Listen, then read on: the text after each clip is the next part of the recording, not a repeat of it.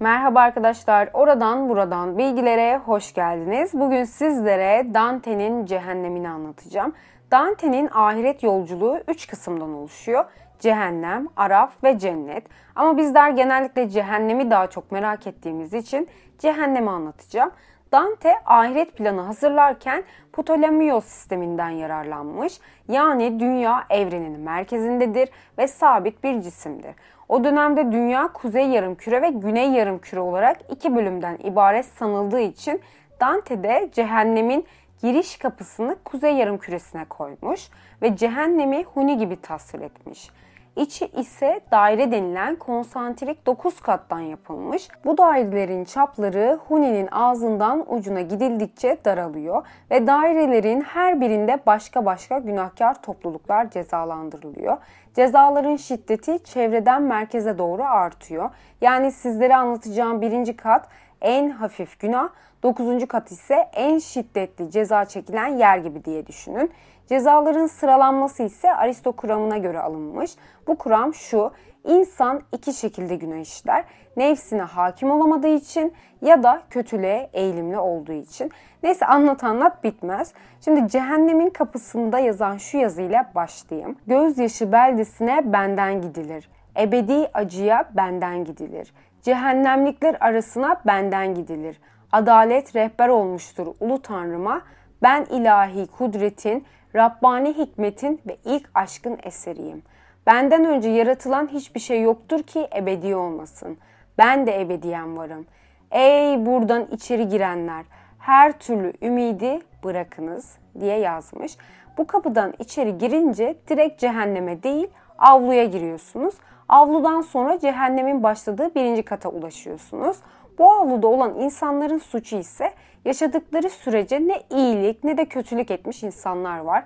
Yani cennete giremedikleri gibi cehenneme de girememişler ve Araf'a da girememişler. Buradaki insanlar iradelerini kullanamamışlar. Bu tip insanları korkaklar, çekingenler diye tasvir etmiş Dante. Mesela avluda olan bir kişi Papa 5. Celestino. Bu papanın günahı ise papalıktan çekilmiş. Nedeni entrikalara, yalanlara kurban olmamak için papalık gibi kutsal bir makamı reddetmiş. Bu yüzden Dante papayı avluya koymuş. Buradaki insanların cezası ise yaban arı ve at sinekleri tarafından devamlı sokulmakmış. Birinci kata gelirsek bu katın adı limbus. Buradaki günahkarların suçu ise Hristiyanlıktan önce ya da Hristiyanlıktan sonra vaftiz edilmeden ölenlerdir. Buradaki insanlar kötü insanlar değil ama dine inanmadıkları için buradalar. Limbus'takilerin cezaları da yok, ödülleri de yok. Limbus ikiye bölünmüş. Birinci bölümü büyük işler başaramamış kişilerin gittiği yer. İkinci bölüm ise büyük işler başarmış insanların gittiği yerdir. Bu ikinci bölümde eski çağlardan tanınmış şairler, yazarlar, bilginler yani çok seçkin insanlar var. Bu kişiler bir şatoda yaşıyor. Peki bu seçkinler kim? Onlardan bahsedeyim. Bu arada herkese söyleyemeyeceğim. Tanıdığım ve çok bilindikleri söylemeye çalışacağım. Haberiniz olsun. Mesela Sezar ve Sezar'ın kızı Julia, Selahaddin Eyyubi, Aristo, Sokrates, Platon, Demokritos, Thales, Diyojen, İbni Rüşd, İbni Sina gibi çok önemli insanlar cehennemin birinci katı limbustalar. İkinci kata gelirsek burası şehvet düşkünü olanların ceza çektikleri yer ve burası asıl cehennemin başlangıcı aslında. İkinci kattaki ruhlar ölümlü hayatlarında aşk denen tutku fırtınasının elinde oyuncak olmuş kişilerdir.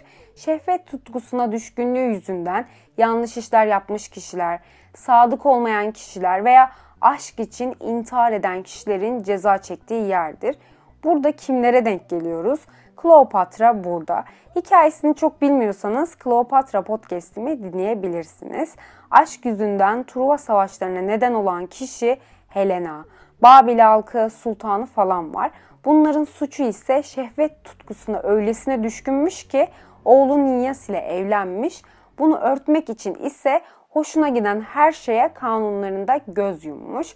Cezaları ise fırtınalı bir havada ters yönden esen rüzgarların dövdüğü bir deniz gibi bir yer düşünün. Hiç ışık yok.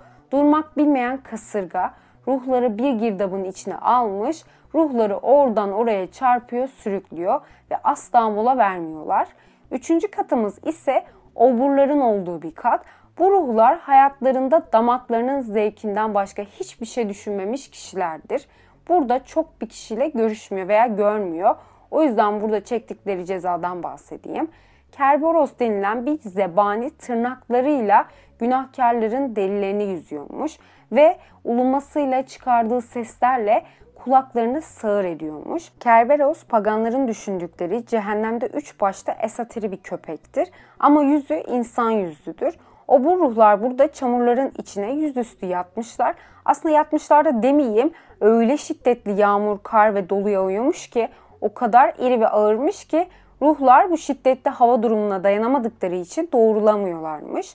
Bir de yağmur yağdıkça o çamur o kadar kötü kokuyormuş ki günahkarların cezaları birkaç kat daha artıyormuş.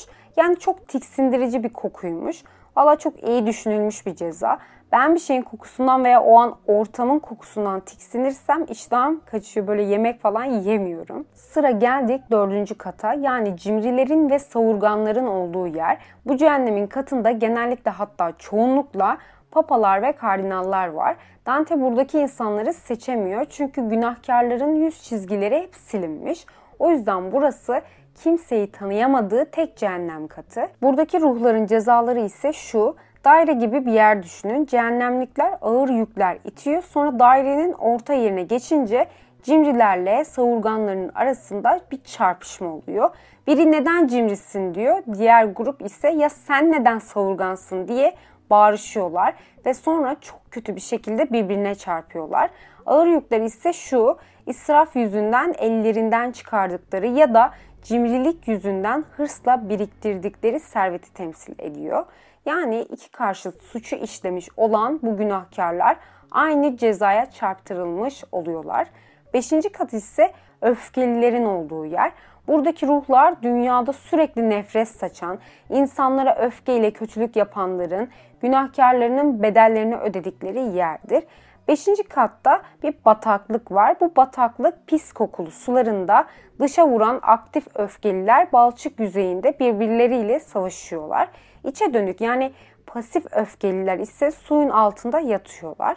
Altıncı kat ise sapkınların olduğu bir cehennem katıdır. Burada sapkınlıkların her türlüsünden günah işleyen insanlar var.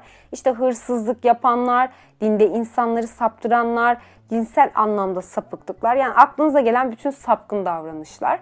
Bu katta 3 cehennem cadısı var. Bu cadılar tırnaklarıyla göğüslerini yırtar, vücutlarına şamarlar indirir ve öyle bir bağırıyorlarmış ki Dante bile çok korkmuş. Cezaları ise yanan mezarlarda sıkışıp kalmakmış. Buradaki kişilerden biri Medusa, diğeri Epikür ve takipçileri. Epikürcüleri şöyle bir hatırlarsak ana düşüncesi mutluluktur. Onlara göre insan tabiatı itibarıyla acıdan, üzüntüden, kaygıdan kaçarlar. Neşe, has peşinde koşarlar. Bu takipçilerden biri 2. Feridik ile kardinaldır. 2. Feridik Roma kralıdır. 7. kata gelirsek burası saldırganların azap çektiği kattır. Burası 4 bölümden oluşuyor. Birinci bölüm soydaşlarına karşı zor kullananlar, soydaşlarının malına, canına el uzatmış kişilerin olduğu bir bölümdür. Yani katiller, savaşçılar, yağmacılar ve zorbalar var. Burada Nessos'u görür. Nessos bir sentördür. Yani yarı insan ve yarı attır. Nessos'un burada olması sebebi Herakles'in eşini kaçırmış. Herakles de Nessos'u öldürmüş. Ama Nessos Herakles'in eşine kendi kanına bulanmış gömleğini vermiş. Onu giyen kişileri delice aşık eden bir özelliği varmış. Herakles'in eşi Herakles'i bir kızdan kıskanmış ve Nessos'un gömleğini giydirmiş. Herakles de aklını oynatarak ölmüş. Yani Nessos ölümün öcünü yine kendi aldığı için burada. Dionysios, Büyük İskender, Sektus ve Atilla yani zorba diye bahsettiği hükümdarlar bu kattaymış. Gene her masadayız. Neyse burada çektikleri ceza ise cezalarının ağırlığına göre fokur fokur kaynayan Kah Nehri'nde derece derece batmış şekilde azap çekiyorlarmış. İkinci bölümü ise kendilerine karşı zor kullanan yani intihar etmiş günahkarlar var. Burası orman olarak tasvir etmiş ve bu ormandaki her ağaç intihar eden kişilermiş. Burada Siena'lı Lopo var. Lopo Toppo Savaşı'nda bile bile düşman içine dalmış ve öldürülmüştür. Bu yüzden Lopo da bu bölümde yer alıyor. Cezaları ise yüzleri kız yüzüne, vücutları kuşa benzeyen yaratıklar günahkarlara garip ötüşleriyle eziyet ediyorlarmış. Üçüncü bölümde Tanrı'ya, sanata ve doğaya baş kaldırmışlar var. Bu katta ise şu kişilere rastlıyoruz. Filozof Brunetto Latini'ye. Bu adamın suçu sodomitmiş. Sodomit gay anlamında kullanılır ama hakaret olarak kullanılır. Dini kaynaklara göre Suriye'nin en eski şehirlerinden biri olan Sodom'da çok yaygın işlenen günahlardan biriymiş. Hristiyanlıkta aslında çoğu dinde çok büyük bir günah.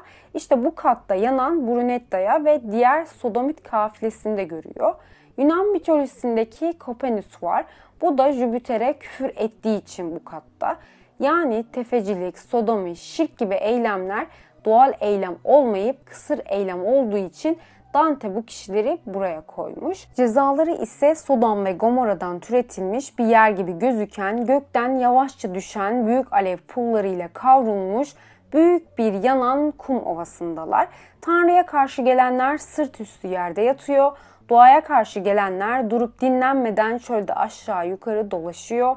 Sanata karşı gelenler ise yerde çömelmiş duruyor. Bütün günahkarlar çıplak bir şekilde ateş yağmuru altında işkence çekiyorlar. 8. kata gelirsek burası hilecilerin olduğu bir kattır. 10 bölümden yani hendekten oluşuyor. Birinci bölümde baştan çıkarıcılar yer alıyor. Bunu o katta yer alan Yunan mitolojik kahraman olan Jason ile açıklayayım. Jason yaşarken Libni adasına uğrar, ada kadınları kendilerine karşı gösterdikleri ilgisizliğin öcünü almak için erkeklerini öldürmüşlerdir. Biri hariç Haysipli adında bir kız. Bu kız kadınları atlatarak babasının ölmesini engellemiş ve babasını adadan uzaklaştırmış. Bu olayı duyan Jason bu kıza aşık olur, evlenirler ama çok vakit geçmeden hamile eşini terk eder. Bu kattakilerin cezası ise zebanilerin uzun kırbaçlarla dövdükleri iki ayrı günahkarlar var. Hendeyin yarısında başkalarının adını aldatma işini yapanlar, öteki yarısında ise bu suçu kendi hesaplarını işleyenler var. Yani kısacası kırbaçlanıyorlar. İkinci hendekte dal kavukların olduğu bir yer. Burada ise şu cezaya çarptırılmışlar.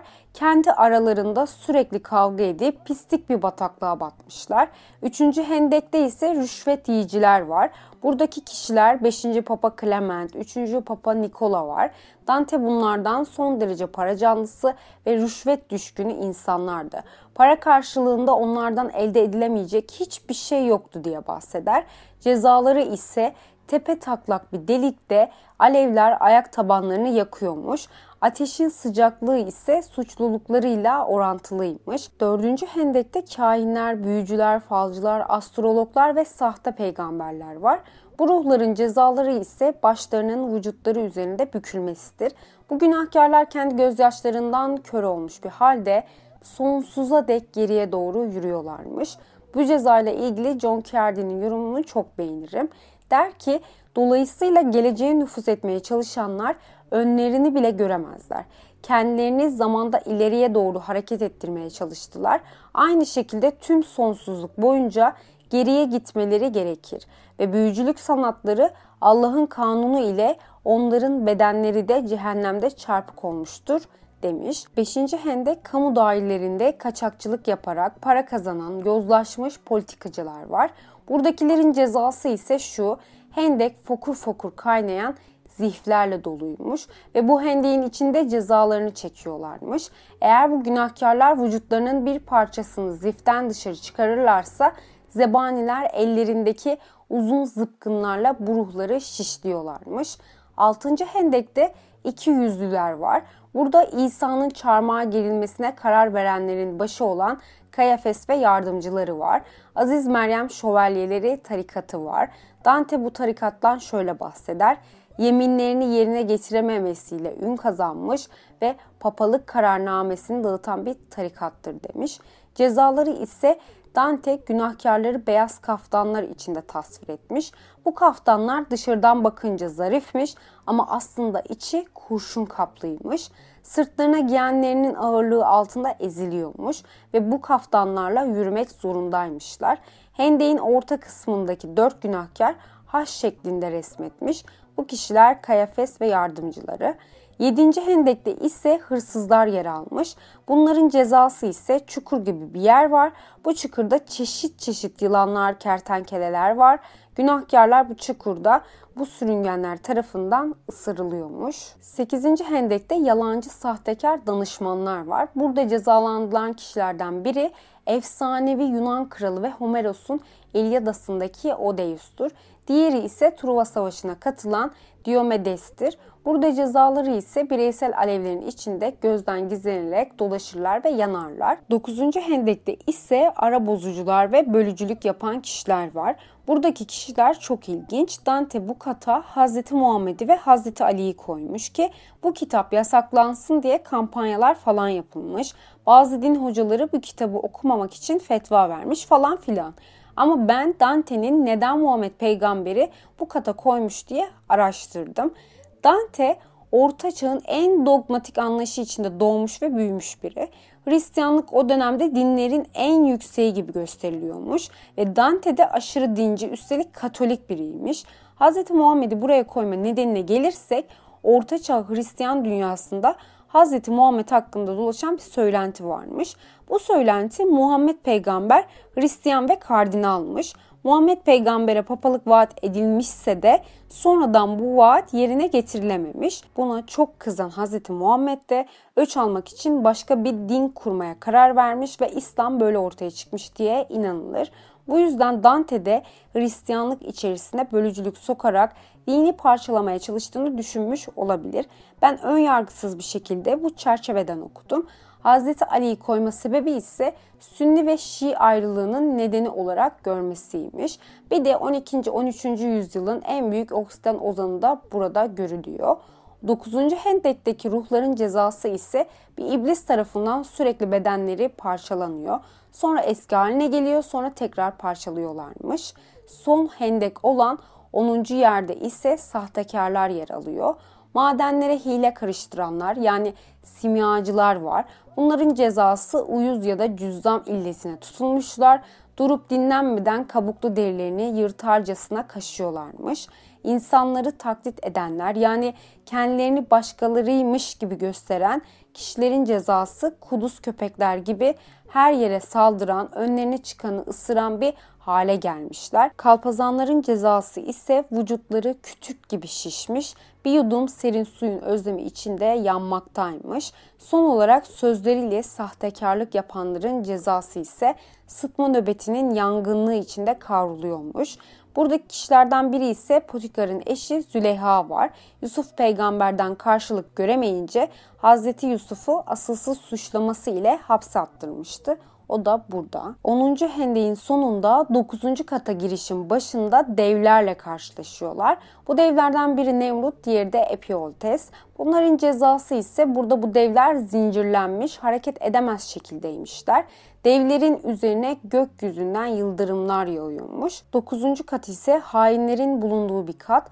Burayı buzla kaplı bir göl diye düşünün. Bu cehennemin katında dondurucu bir soğuk varmış. Bizim bildiğimiz ateşli yanan cehennemin popüler imajından tam tersi bir durum var. Kerdi bunu şöyle açıklamış. Bu ruhların ihanetleri sevginin ve tüm insan sıcaklığının inkarıydı. Yalnızca buzun acımasız ölü merkezi onların değerlerini ifade etmeye hizmet edecek. Onlar Tanrı'nın sevgisini reddettikleri için en uzaktakiler de onlar. Yani güneşin ışığından, sıcaklığından uzaklaştırılmışlar. Bu katta hısım ve akrabayı ihanet edenler var. Burada ilk cinayeti işlemiş Kabil var. Bunların cezası yüzleri önlerine eğik, boğazlarına kadar buzlarla gömülürler. Vatan hainleri var. Bunların cezası ise boğazları buzun üzerindeler ama hısım ve akraba ihanet edenler gibi boyunlarını bükemiyorlar. Konuklarına ihanet edenlerin cezası ise buzun içinde sırt üstü yatarlar. Gözyaşları göz yuvalarına donup onları küçük kristal siperlerle mühürlenmiş. Yani ağlamanın rahatlığı bile onlardan alınmış. Cehennemin en derin seviyesi hainlere ve yemeğini bozanlara ayrılmış. Burada İsa peygambere ihanet eden Yahuda var. Yahuda'yı daha detaylı dinlemek isterseniz Son Akşam Yemeği podcast'imi dinleyebilirsiniz. Sezar'ın katilleri olan Cassius ve Brutus artı olarak asıl şahıs olan şeytan da bu katta yer alıyor. Dante şöyle anlatmış. Bir zamanlar Tanrı tarafından meleklerin en güzeli olarak görülüyordu. Daha sonra gururu onu Tanrı'ya karşı isyan etmeye yöneltti. Lucifer buzun beline kadar sıkışıp kalmış, sabitlenmiş. Korkunç bir canavar gibiydi. Üç tane yüzü vardı. Biri önde kan kırmızısı, sağda sarı, solda siyah yüzü vardı. Üç ağzının her birinde Brutus, Cassius ve Yahuda'yı öğütüyormuş. Altı kanadını birden sallayarak müthiş rüzgar ve soğuk oluşturuyormuş. Son olarak şeytan Dante'ye Tanrı'yı gerçekten tanısaydın sen de ihanet ederdin demiş. Evet cehennemin sonu buydu. Dante cehennemi böyle tasvir etmiş. Benim yorumuma gelirsek ben bu kitaplara bayılmıştım zaten. İnanılmaz güzel metaforlar içeriyordu. Cehennemin kapısının girişindeki ümidinizi bırakın yazısı çok hoştu. Hem insanlığı hem de tanrısallığı kapsayan masalsı bir yolculuk yaşattı. Dante'nin aşırı dinci olmasına rağmen kiliseyi ve papaları eleştirmesi, iğneleyici politik yorumları, Roma'nın toplumun üzerine yaptığı baskıyı, sıkıntıları, yozlaşmış siyasetçileri böyle çok güzel bir eleştirmiş. Yani aşırı hoşuma gitmişti. Artı olarak bu üçleme aslında bir aşk hikayesini anlatıyor. O yüzden okumadıysanız okumanızı tavsiye ediyorum. Bu arada bana Instagram'dan yazın. Siz kendinizi hangi katta görüyorsunuz? Evet arkadaşlar Dante'nin cehennemi böyleydi. Bir sonraki podcastimde görüşmek dileğiyle. Hoşçakalın. Kendinize çok iyi bakın.